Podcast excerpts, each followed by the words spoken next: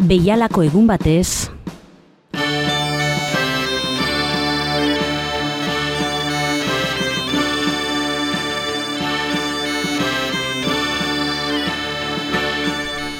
Agur eta ongi etorri Bilbo iria irratiko entzule zaren hori. Gure memoria eta oroitzapenak gordetzen dituen kutsa irekiko dugu datozen minutuetan. Bertatik, gure herrialdeetan gertatutako jasoera historiko nabarmenak, gertaera esanguratsuak, gure kultura politika zein bestelako jardueretan zerezana izan eta eman dutenek bilakatuko ditugu protagonista nagusi.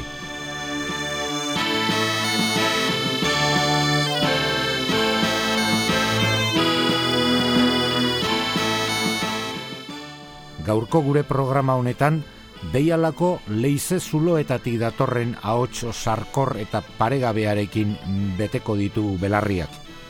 Bere atzamar giartxu eta trebeak lastanduko gaituzte. Oazen beraz, Josu Zabala musikariak aipatu zuen bezala, tradizioan oinarriturik, Euskal Rokaren ere beste garai bateko punkirik, punkiena izan zen, Maurizia aldeiturriaga ezagutzera. Bueno, ni Maurizia alditurreaga naz, Seberion jaioa, egien jaioa. Mileta bederatzeron da lauen jaioa, urrien, hogeta bien jaioa. Da, ama bi urtegaz, hasi nintzen, fanderoioten, Joaquin Goti, Jose Rotaetxe, da Juan Txapelegaz. Bueno, oin joko atera porruzaldea buelta bikoa.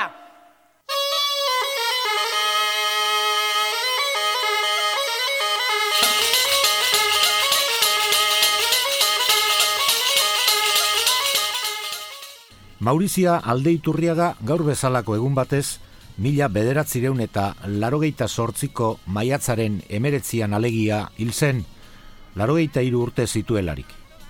Seberioko egia izeneko baserrian sortua zen mila bederatzireun eta lauko San Maurizio egunez, irailaren hogeita bian, beraz. Ama Madalena Zabala, Seberiostarra eta aita Francisco Aldeiturriaga laudiokoa.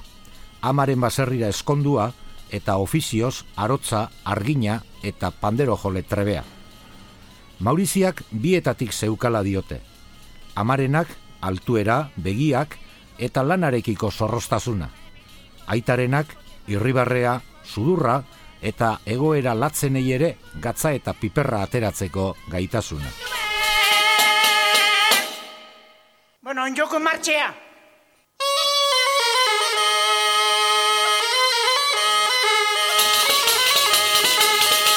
Bederatzi urte bete berriak eta garai hartan oiden bezala neskameioan zen basurtora, ganadu tratante baten etxera.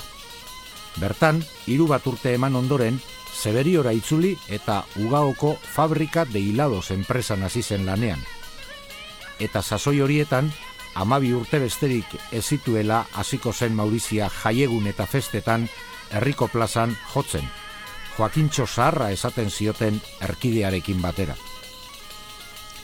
Urte batzuk beranduago, mila bederatzireun eta hogeita batean, amazazpi urte zituela, panderoa jotzen eta kopla zaharra kabesten ezagutu zuen denborarekin bere zenarra izango zena.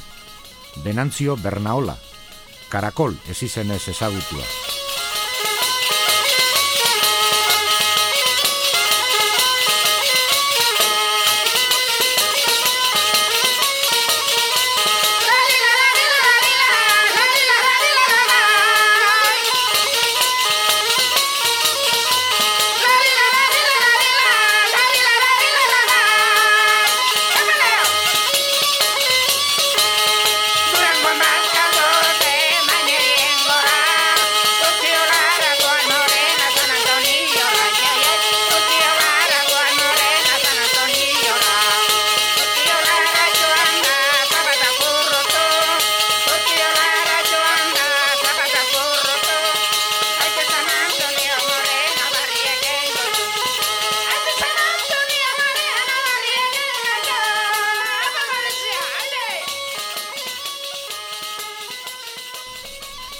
Domeka arratzalde batez egin zuten topo Severioko plazan.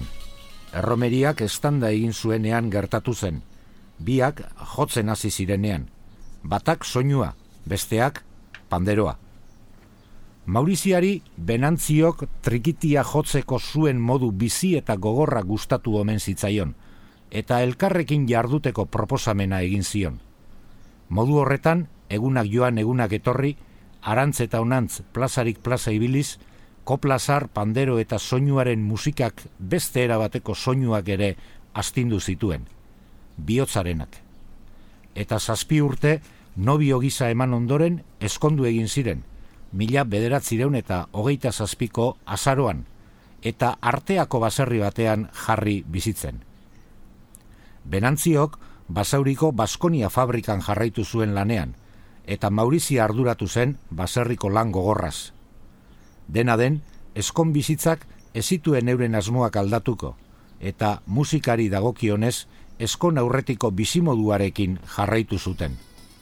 Zornotzako Carmenak, Urkiolako San Antonioak, Durangoko San Faustoak, Dimeko San Pedroak, guztietan prest, abarka eta baserritar jantziak soinean zituztela, jendearen gorputzak dantzara bideratzeko. Karakol arteako ba, karakol arteako ba, aizu lari famoso ba, Maurizia kaime pidet, ai dodo zela pandero ba, dodo zela pandero ba, aizu lari famoso ba, aire!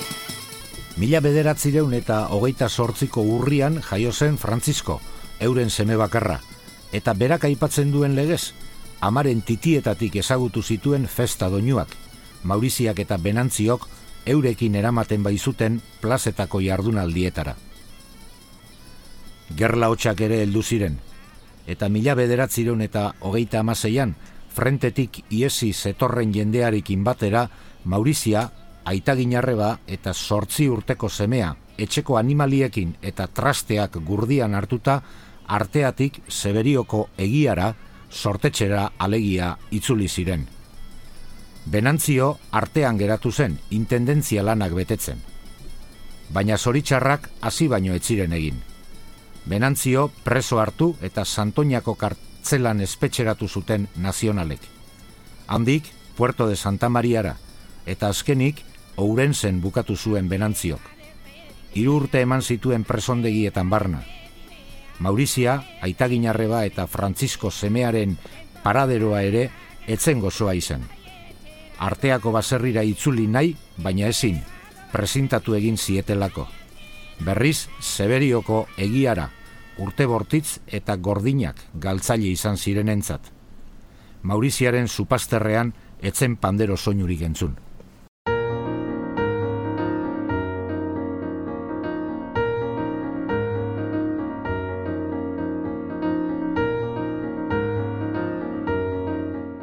Mila bederatzireun eta hogeita emeretzian, gerra bukatu ondoren itzuli zen benantzio etxera, eta hasieran etzioten lanik eman, Baskonian, bere enpresan, rojo separatista etiketa baitzera mangainean. Sasoi berean, aita hil zitzaion Mauriziari, baina hala eta guztiz, garaiak lagun etzirela jakinda ere, Mauriziak eta benantziok etzuten etxi, eta berriro jotzen hasi ziren inguruetako herrietan, lehen bezain grinatxu eta profesional, arlo pribatu eta publikoa modu naturalean ustartuz. Denborarekin, Leon Bilbao herriko albokariarekin osatu zuten irukotea. Eta bihotzeko gaixotasunak jota benantzio etxean geratu zenean, Fasio Arandia trikitrilariak hartu zuen haren tokia. Mila bederatzireun eta irurogeita lauko kontuak dira hauek, musikari buru belarri eskainitako hogei urteko ibilbide luze eta arrakastatxu baten hasiera baino ez.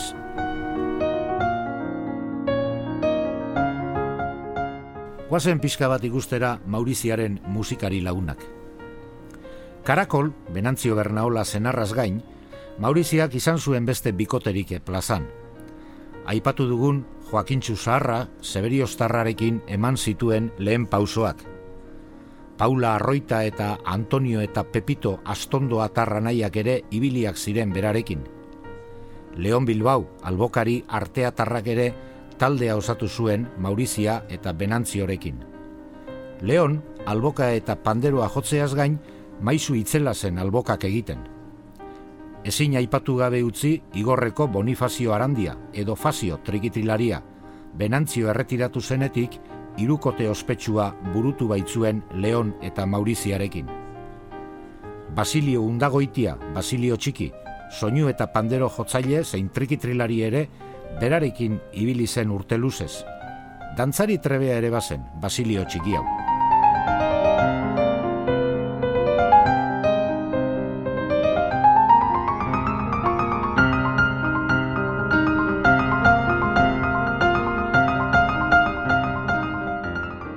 Mauriziaren izaera eta nortasunari buruz bizpairu apunte egin nahi genituzke. Gauzak ondo eginak atsegin zituen.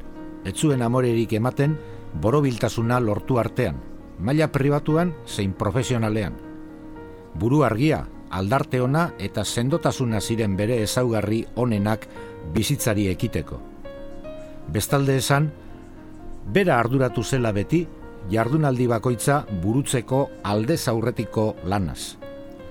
Emanaldi bakoitza bakarra eta berezia zen beretzat, eta dena ematen zuen panderoaren astindu bakoitzean. Dena eman ahots kordaz. Fede handiko emakumea ere bazen, egunero errosarioa errezatzeko ohitura zuen, eta jakina, igande zen jaiegun guztietan betetzen zuen hirugarren mandamentua logu txiko emakumea eta langile neka ezina baserri zereginetan. Esku aparta omen zuen ogia egiten. Karta jokorako saletasun handikoa. Briskan jarduten zuelarik egunero benantziorekin eta sarritan ausokideekin ere bai.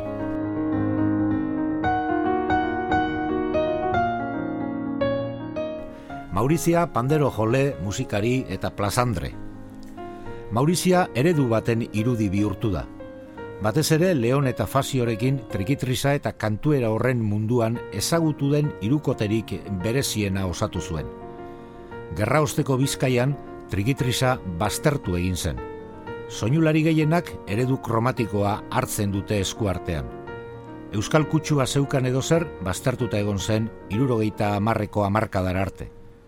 Franco hilostean hasi zen loraldia, herrietako jai batzorde, edota baserritarra sokak zirela medio. Maurizia eta berarekin Leon, Fazio eta Basilio loraldi horren lore ederrenetakoak izan ziren. Euskal kulturgintzak ondare ordainezina zor dielarik. Osagai kilikolo zeudenean desagertzear berreskuratu eta plazaratu egin baitzizkiguten. Eurak bizi eta sentitzen zutena eskaini ziguten eurei esker pasatu zen mundu ura baztertuta egotetik eredu izatera.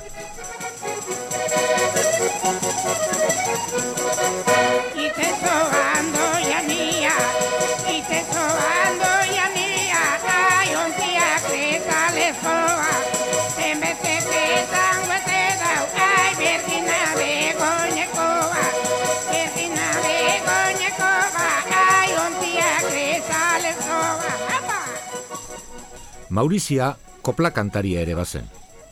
Bizkaiko kopla zaharren tradizioan erromeria koplak dira ugarienak. Kopla hauek dantzarakoak erromeriakoak dira. Musika tresnaz lagunduak izaten dira. Alboka, dultzaina, biolina, soinua eta panderoa. Baita pandero utxa ere, edo beste perkusioren bat. Mauriziak panderos eta trekitrisa eta albokarekin laguntzen ditu. Bestalde, koplaren testuak laburrak izateaz gain, puntu biko edo irukoak gehienez, zati errepikatuak ditu, dantza berak dituen bueltak bezala. Erritmoari dagokionez, bi erritmo dira nagusiak. Binarioa, porruzaldak eta horrelakoak, eta ternarioa, trikitia adibidez, edo mauriziak esaten zuen bezala, jotea. Hau ez gain, salbuespenak salbu, kopla bakoitzak bere osotasun individuala dauka. Bakoitza pieza ale soltea da. Eta independentzia horren ondorioz, koplariak nahi dituen erara ordena ditzake, zentzurik galdu gabe. Ez dago sortaren garapenik. Dantzarakoak dira, ez historioak ero diskursoak kontatzeko. Kopla hauek ahos aho zabaldu dira gure arteraino. Horrezegaitik hitzak egokituz doaz tokira edota kantatzen duenaren modura. Eta horretan, artista paregabea zen Maurizia.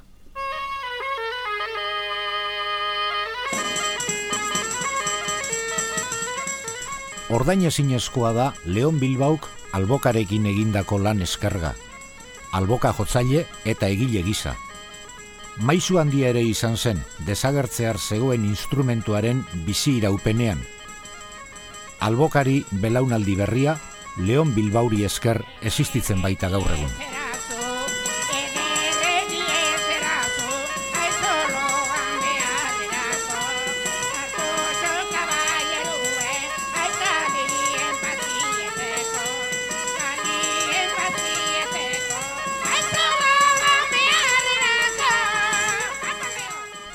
Pandero jole aparta zen Severio Starra, eta trikitrisa eser baldin bada, panderoa da. Alboka, musukitarra, eskusoina, horien guztien lagungarri bakarrik ez, oinarri ere badela esan daiteke. Panderoaren erritmoan egiten da kanta, dantza, eta azken finean, festa eta erromeria bere orokortasunean.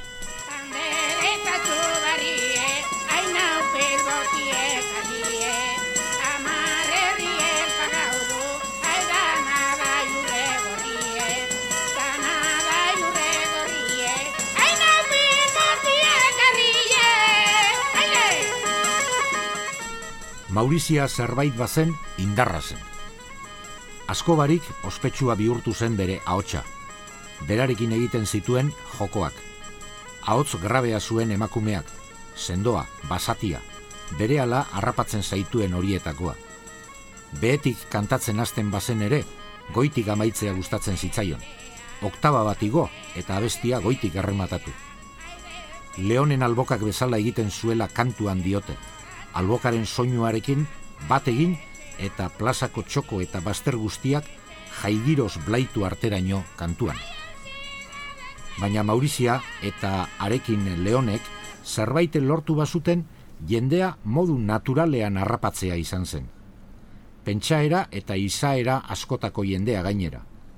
Zur eta lur utzi zituen adibidez garaiko euskal rokaren ordezkariak. Izan ere, eurek egin nahi zutena emakumearengan bilatu zuten modu naturalean. Bere ahots basatia eta primitiboarekin eta batez ere gorputz osoko azaletik zerion indarrarekin txundituta batek baino gehiagok arrastoa jarraitu zion.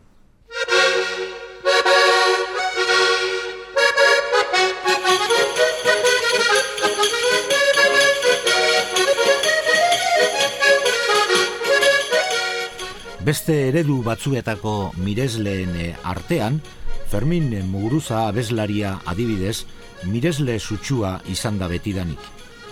Horren adirazgarri dira esate baterako, mila bederatzireun eta larogeita bostean, kortatu taldeak izen bereko bere lehen diskoan, tolosako inauteriak delako abestian egindako erabilpena. Abestiaren sarrera gisa, Mauriziaren ahotsean eta haren panderoaren erritmoarekin Leon eta Basilio lagun dituela honako kopla hau entzuten da.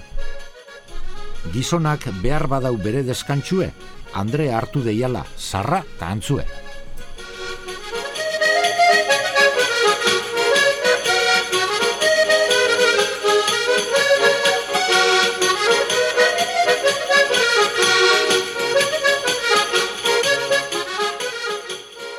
Josu Zabala musikariaren eh, esanetan eta iritsian, Mauriziaren kantaera osena, estridentea, sarkorra, primitiboa, mikrofon hori gabe kantatzen ohituta egotetik zetorkion.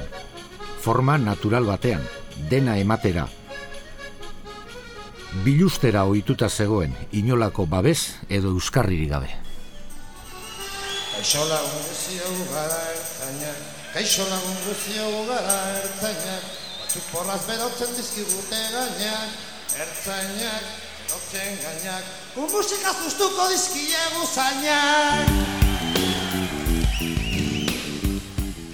Maurizia eta bere lagunak, Leon, Fazio eta gainontzekoak estabiltza dagoeneko Euskal Herriko plazetan. baina beraien doinuak, ahotsak, indarra, zenbait diskoetan geratu dira. Pare bate aipatze aldera, honako hauek. Alboka eta Trikitrisa, Leon Maurizia eta Fazioen grabazioa, sosoak plazaratutakoa mila bederatzireun eta irurogeita emeretzian. Eta bigarrena, Maurizia Leon eta Basilio, elkarrek plazaratutakoa mila bederatzireun eta larogeita sortzian. Disko honen historiaren inguruan esan behar, Rupero Ordorikak egin eskaera baten ondorioz, grabatu zela aipatu disko hau. Aipatu ditugun azken bi diska hauek eskuragarri daude elkarrek egin bilduma batean. Txikitxuterik aitek eta amak, baian indaude lombradu, estudioak irakatziten, salamankara biraldu. Salamankatin etorrenean, eta jenen dun pensatu, estudiante tunante baino, oban hauela eskondu. Ja eskondu nintzan eskondu, baien jatan da mutu. Frakabaltzetan ari zurien, sekuletxatan faltatu. Frakabaltzetan ari zurien, sekuletxatan faltatu.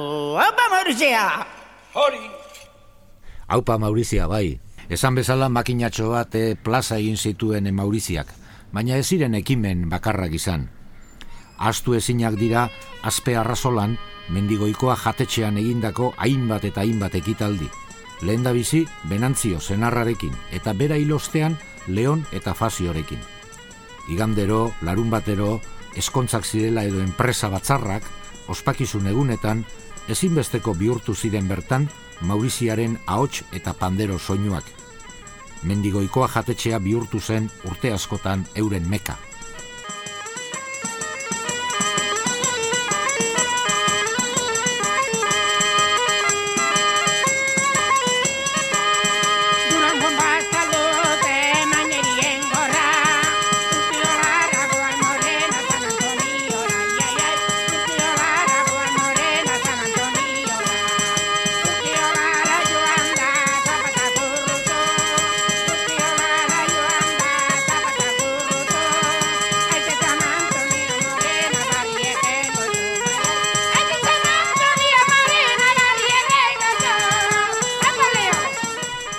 Beste lurralde batzuek ere bizitatu zituzten. Gipuzkoara ere sarri eraman zituzten, baita Araba eta Iparraldera ere. Madrilen eta Parisen ere izandakoak dira. Dindirri eta Andramari dantza taldeekin, hainbat zaio egindakoak dira. Aipagarri ere bai, telebistan egin zuen saiakera. Mila bederatzireun eta larogeita sei inguruan izan zen, garai hartako kaja bitoriatik hots egin ziotenean iragarki bat egiteko. Hango hartan, jantzi tradizionala armairuan utzi, eta iriko emakume dotore eta peto-petoa bihurtuta ikusi genuen Maurizia. Bestalde, bere irudia, hainbat aldiz erabili izan da trikitrisa edo folk musikari lotutako ekitaldi bat baino gehiago iragartzeko. Horren adibidea, getxoko nazioarteko folk jaialdiak birritan erabili duela bere irudia. Mila bederatzireun eta larogeita amaikan eta mila bederatzireun eta larogeita amalauan. Orduko hartan, kartelean agertu zuten bere irudia. Baita fadurako frontoian jarri zuten estenatokiaren atzealde osoa hartzen zuen muntaian ere bai.